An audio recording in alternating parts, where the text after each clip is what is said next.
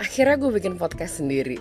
Karena sebenarnya gue punya punya podcast lain sama temen gue di Rabu bercerita tapi gara-gara COVID-19 udah berjauhan dan gak ngerti apakah proyek bisa jalan apa enggak. Karena pada dasarnya gue butuh mendengarkan tapi gue juga butuh bicara. So that's why I make this podcast. Siapa tahu kalian bisa tahan dengerin ini. Karena mendengarkan memang perlu ketahanan. Dapatnya dari mana? Dari latihan lah. Oke okay? enjoy. Oh gue Sasa Bet. Gue bisa panggil gue Sasa atau nggak Sabet